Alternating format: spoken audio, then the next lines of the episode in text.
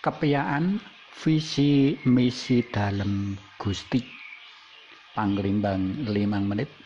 Kapetik saka Injil Lukas bab papat ayat 16 tekan ayat telung puluh.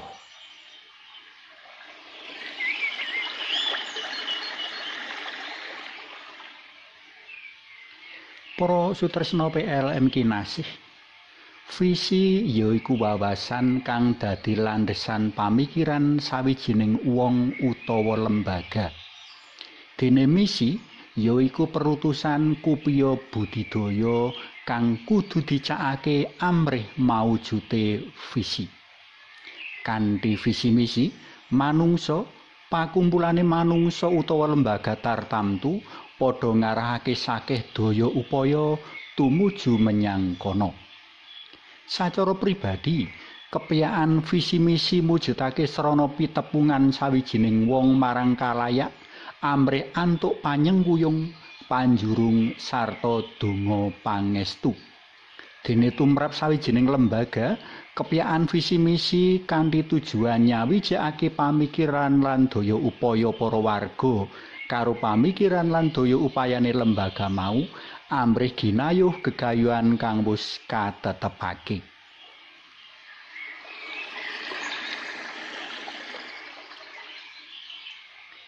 Ing ngarepe wong akeh ing jroning omah ibadah, dina iki Gusti Yesus ngepiyake visi misi karya perutusan dalem. Ada dasar peratilan Nabi Yesaya, Gusti Yesus medharake visi misi rawuh dalem ana donya. Roing pangeran tumedhak marang aku. Mula aku ing urapan jebat. Ing ngutus martakake kabar bungah marang para miskin. Ngrerapu wong rempu ing ati. Nggawa kabar luar marang para tawanan. Puling pandeleng marang para kang wuta. Kang katindes dadi merdika sarta ngumumake taun puling sih karo pangeran. Kanthi visi misi iki Gusti Yesus kepareng ngrengkuh wong-wong kang saksuwene iki apes sekeng lan asring ora antuk kawigaten pepodo kepara malah dadi obyek kanggo golek ngeruk bondo sacara pribadi utawa kelompok. Gusti Yesus ngersakake wong-wong mau ngrasakake kabungan kaya wong-wong liyane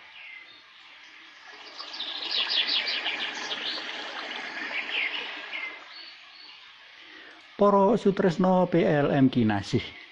Ayo padha kasalarasake lan kasawijekake visi misi awake dhewe karo visi misi dalem Gusti Yesus.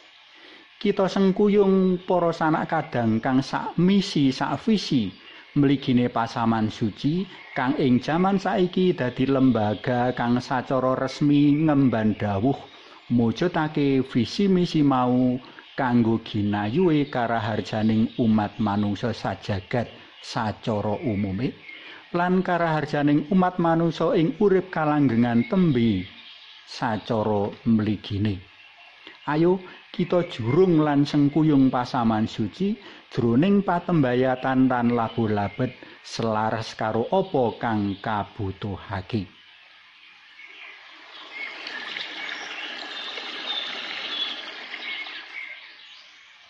saiki ayo padha munjuk. Kunjung asma dalem yang Rama yang putra tuwin yang roh suci. Amin.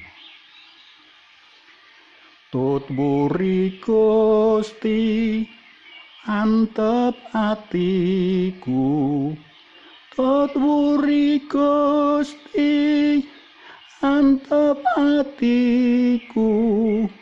Ora selak ora sela. Pareng Gusti karso ngampingi. Pareng Gusti ami tulungi. Hamba pasrah bosumarah sakuwatoyo toyo sawetamana percaya ngalah mbok pitaya mbok pitaya Mugi linurna yang Rama yang Putra tuwin yang Roh Suci kados sing mlebu sakmenika sarta ing salami-laminipun. Amin. Konjeng asma dalem yang Rama so yang Putra tuwin yang Roh Suci. Amin.